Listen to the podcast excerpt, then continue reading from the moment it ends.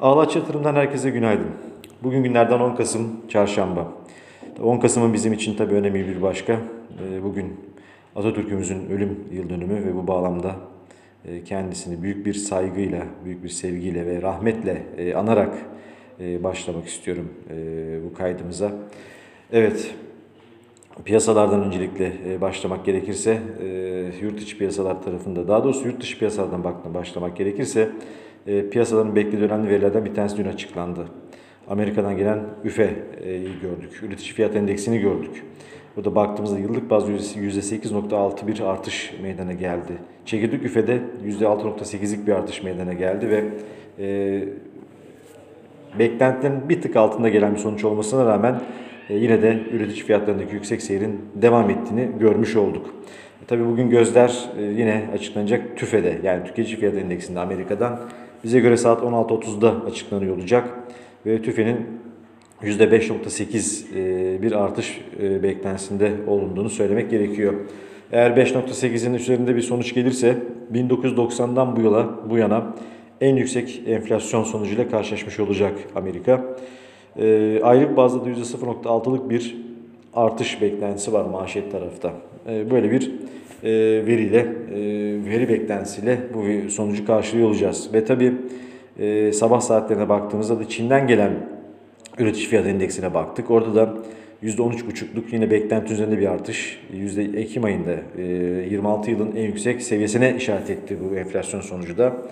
E, tabii ki son zamanlarda Çin'de e, hem emtia fiyatlarındaki yükseliş hem de e, son birkaç ayda devam eden elektrik kesintilerinin yarattığı maliyet artışlarının e, oluştuğunu görüyoruz üretici fiyatlarında ve TÜFE'de de yine yükseliş var beklenti üzerinde. Bu da üretici fiyatlarından kaynaklanan maliyet artışlarının tüketici fiyatlarına yansımalarını gösteriyor. Diğer taraftan emtia fiyatlarındaki yükseliş talep güçlü. Bunlar da tabii tüketici fiyatlarındaki yükselişinde nedenler arasında.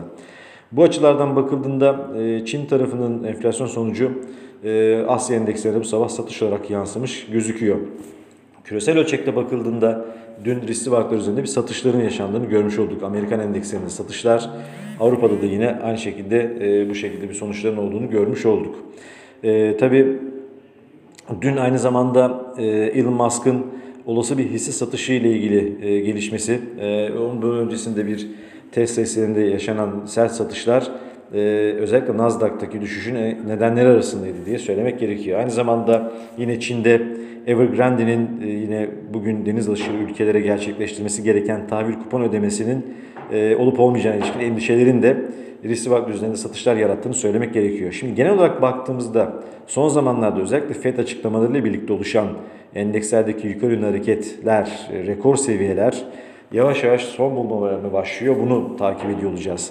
Özellikle Fed'in açıklamış olduğu dünkü bu hafta içinde açıklamış olduğu finansal istikrar raporunda da değindiği gibi özellikle riskli varlıklar üzerindeki yüksek seviyelerin artık bir balon oluşturduğunu, olası bir ekonomideki bozulma görünümü karşısında bu piyasaların sert sarsılabileceğine ilişkin endişesini dile getirmesi bu da risk işten düşünen bir başka unsur oldu.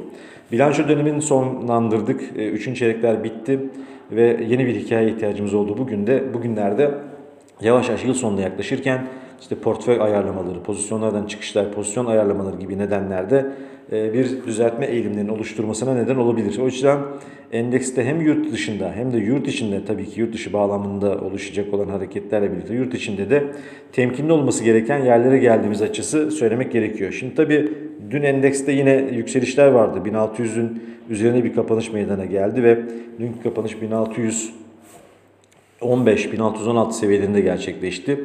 Şimdi bugün tabii yurt dışındaki eğilimler biraz satış ağırlıklı olduğu için vadelilere baktığımızda negatif, Asya'nın endeksleri negatifte.